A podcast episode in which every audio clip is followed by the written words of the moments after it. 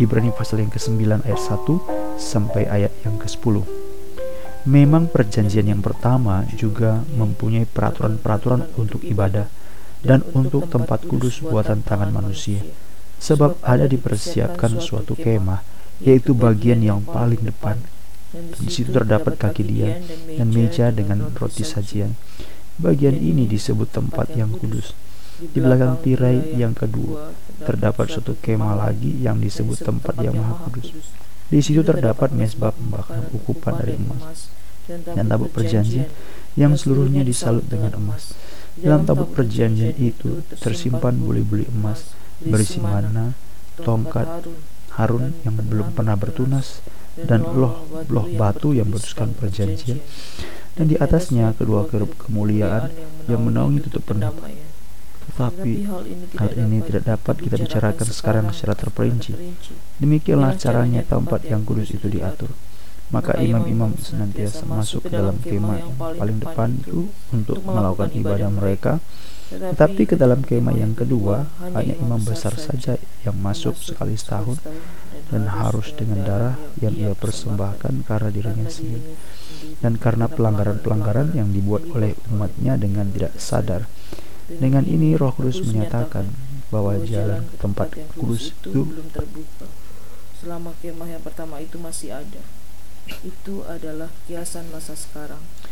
Sesuai dengan itu dipersembahkan korban dan persembahan yang tidak dapat menyempurnakan mereka yang mempersembahkannya menurut hati nurani mereka. Karena semuanya itu, di samping makanan, minuman, dan pelbagai macam pembasuhan, hanyalah peraturan-peraturan untuk hidup insani yang hanya berlaku sampai tibanya waktu pembaruan. Umat-umat yang Tuhan kasihi, kalau kita membaca Ibrani pasal 9, itu adalah kiasan masa sekarang. Jadi segala tatanan kebaktian yang diperintahkan Tuhan untuk dilakukan oleh Musa, bangsa Israel pada perjanjian yang pertama, itu bukanlah sesuatu hal yang kosong, bukanlah sesuatu hal yang remeh, bukan juga sesuatu hal yang jelek. Tidak, justru itu baik adanya, bagus adanya. Itu adalah kiasan masa sekarang sesuai dengan dipersembahkan korban dan persembahan yang tidak dapat menyempurnakan mereka yang mempersembahkan menurut hati nurani mereka. Jadi ada suatu gambaran-gambaran yang tidak bisa dilepaskan kini dan lalu. Sama seperti Ibrani pasal yang ke-8 ayat yang kelima, pelayanan mereka adalah gambaran dan bayangan dari apa yang ada di surga makna yang sangat dalam sekali bahwa setiap apa yang dibuat oleh Allah sedemikian teratur, sedemikian diatur, sedemikian rupa, itu merupakan suatu hal yang tidak bisa dilepaskan dari apa yang terjadi kini, apa yang terjadi di sorga. Jadi tidak ada satu bagian pun, satu fase pun di mana itu semuanya merupakan kebaktian tanpa arti, tanpa makna, tidak. Jadi pada waktu perjanjian pertama membayangkan gambaran ada ikatan dengan perjanjian kedua. Apa yang terjadi di bumi ini menggambarkan suatu ikatan apa yang terjadi di sorga. Jadi semua apakah dia yang lama, apakah dia yang baru, apakah dia yang kemarin, apakah dia yang sekarang, semuanya tidak bisa dilepaskan. Dan semuanya adalah bayangan yang terjadi di sorga. Nah itu sebabnya semua perjanjian ini adalah baik adanya. Nah, namun walaupun kita tahu, kita sudah bicarakan, ada sesuatu hal yang baik, tapi ada sesuatu hal yang lebih baik ada satu hal yang tidak sempurna. Di tengah-tengah kebaikan itu, dia tidak mencapai keutuhan yang sempurna, tetapi ada yang sempurna. Namun, persoalannya bukan berarti karena dia tidak sempurna, maka dia jelek atau dia membuat kita berdosa. Tidak, itu semua baik adanya, dan itu semuanya indah adanya. Nah, itulah sebabnya Alkitab mengatakan ini merupakan satu bagian yang pernah dianugerahkan Tuhan supaya kita mengenal Dia. Bagaimana cara Allah menyatakan dirinya? Jadi kembali untuk mengingatkan lagi kepada kita saudara-saudara, tidak pernah sekalipun Tuhan itu absen dalam hidup manusia, tidak. Walaupun tuntutan dosa itu begitu hebatnya, Allah selalu bersama dengan kita. Walaupun tidak mungkin, tidak bisa sebenarnya Allah bersama dengan kita, tetapi Allah merelakan dirinya, Allah meresikokan dirinya supaya dia bersama dengan umatnya. Sehingga titik temu itu dibuat dengan cara apa? Allah membuat suatu model yang disebut dengan kemah suci dan kemah suci ini adalah tempat kudus buatan tangan manusia atau lebih tepatnya atau dalam hal yang lain dikatakan sebagai tempat yang dibuat oleh manusia atau yang bersifat manusiawi atau bersifat duniawi. Jadi memang kemah suci itu bersifat duniawi.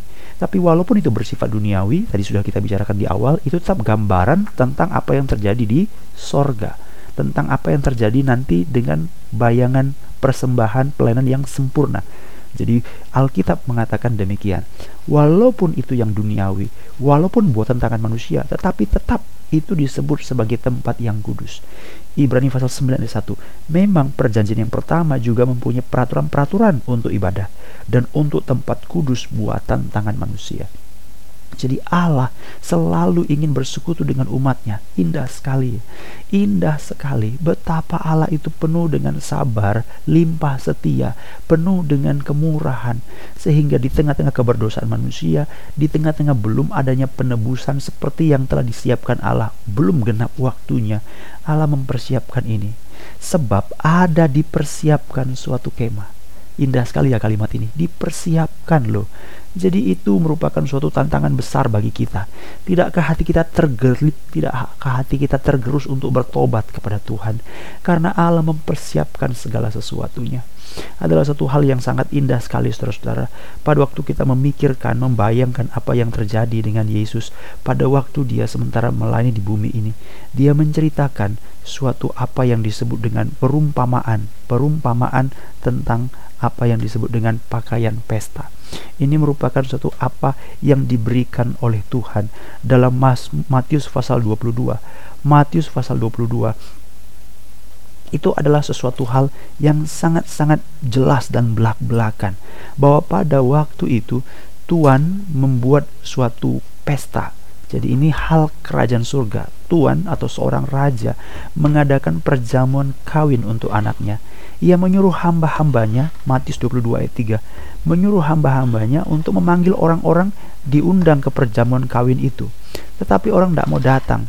Lalu ia menyuruh hamba-hamba yang lain, katakan kepada orang diundang itu, hidangan telah kusediakan, lembu-lembu jantan dan ternak piaranku telah kusembeli. Semuanya telah tersedia, semuanya telah dipersiapkan. Ayo, datanglah ke perjamuan kawin itu. Tetapi orang-orang yang diundang tidak mengindahkannya tidak mengindahkannya.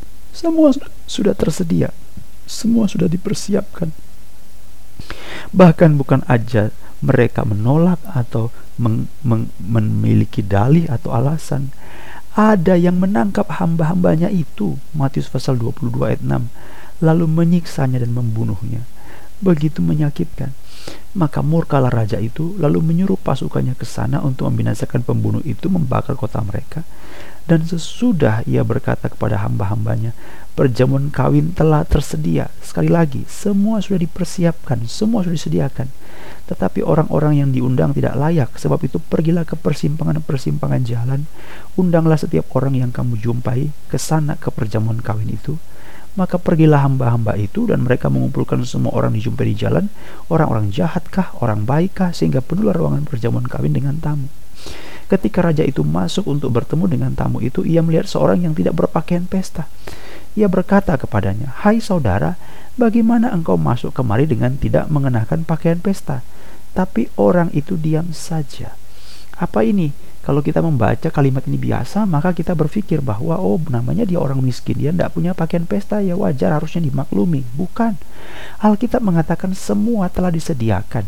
Maka dalam bagian ini sebenarnya kita perlu beritahu bahwa bukan saja jamuan dipersiapkan, disediakan, bukan saja segala sesuatu yang berkaitan dengan makanan dan jamuan pesta itu yang disediakan, tetapi saudara-saudara, pakaian untuk pesta itu pun sudah disediakan.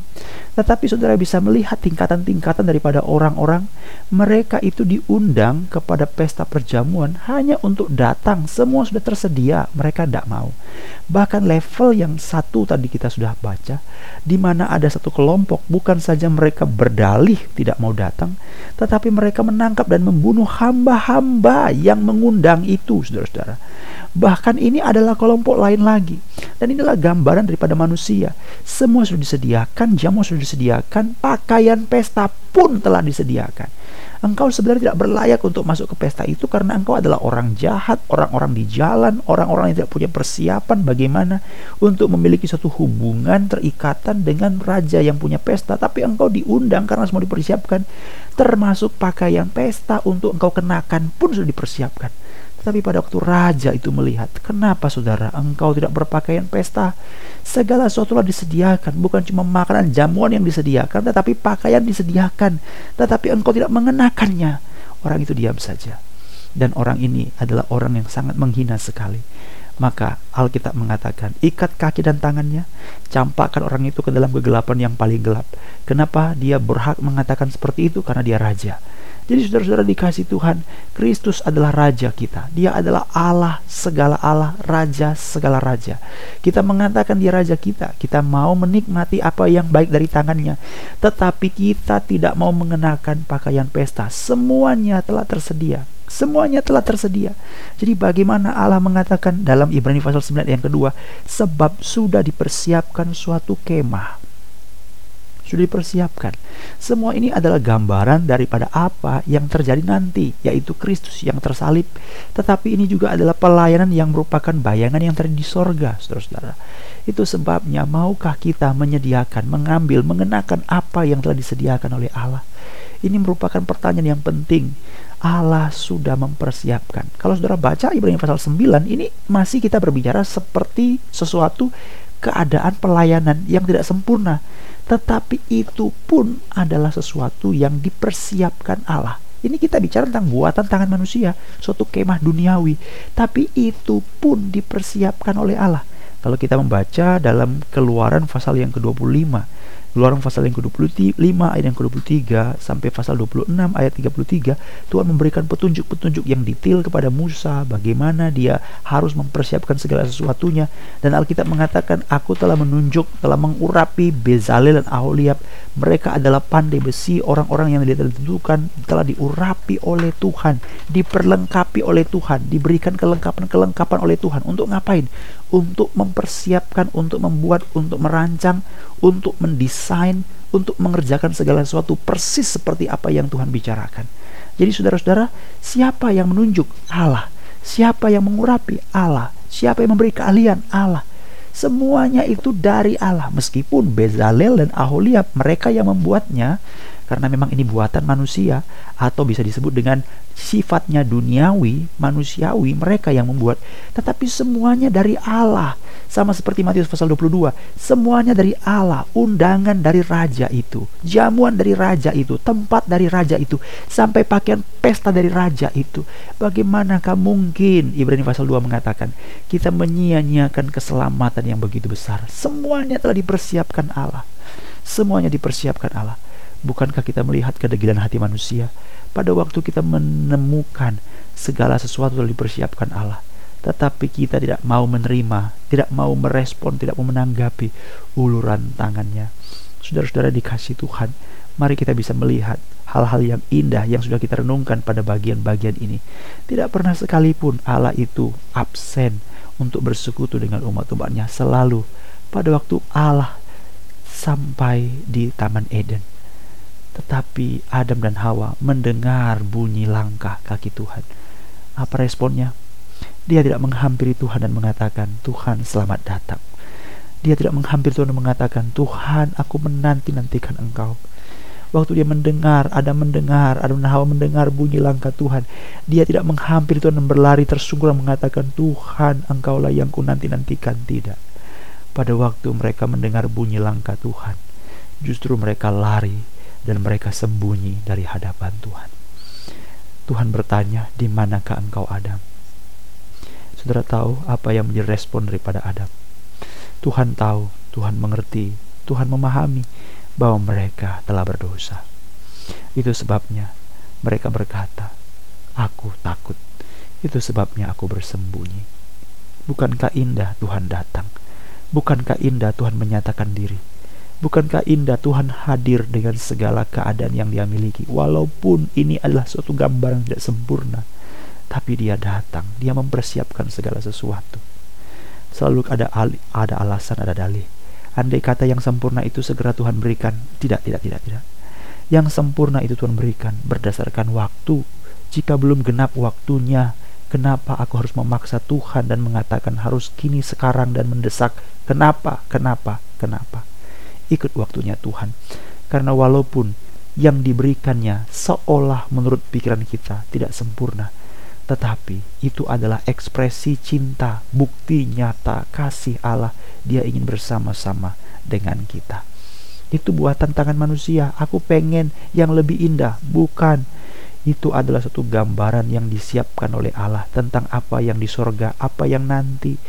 Jadi itu bukan sesuatu hal yang buruk. Saudara-saudara dikasih Tuhan. Jadi apa pun yang Allah sediakan kepada kita, mari respon dan katakan, Tuhan aku mengucap syukur. Aku berterima kasih. Jangan ada satu detik pun dalam hati kita menolak kasih karunia Tuhan. Men membuang dan tidak mengenakan pakaian pesta. Tapi biarlah kita bersyukur dalam segala hal. Kita menyadari bahwa apa yang dibuat Allah itu indah adanya. Kita memahami.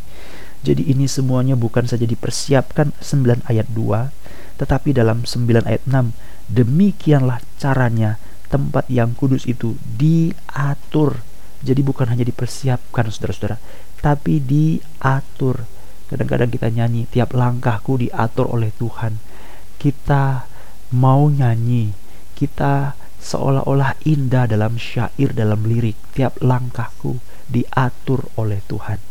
Tapi dalam kehidupan nyata, kita tidak mau diatur Alkitab berkata, demikianlah caranya tempat yang kudus itu diatur. Saudara-saudara menarik sekali untuk membicarakan dalam pasal 9 ayat yang keempat, pasal 9 ayat yang kedua, dalam satu tempat yang disebut dengan kemah di mana ada bagian paling depan, di situ terdapat kaki dian dan meja roti sajian. Dalam hal ini Alkitab menyinggung dua benda yang terdapat dalam tempat ruang kudus. Ruang kudus adalah tempat sama seperti ruang maha kudus di mana pada tempat pada chamber itu pada ruangan itu itu adalah tempat yang tertutup.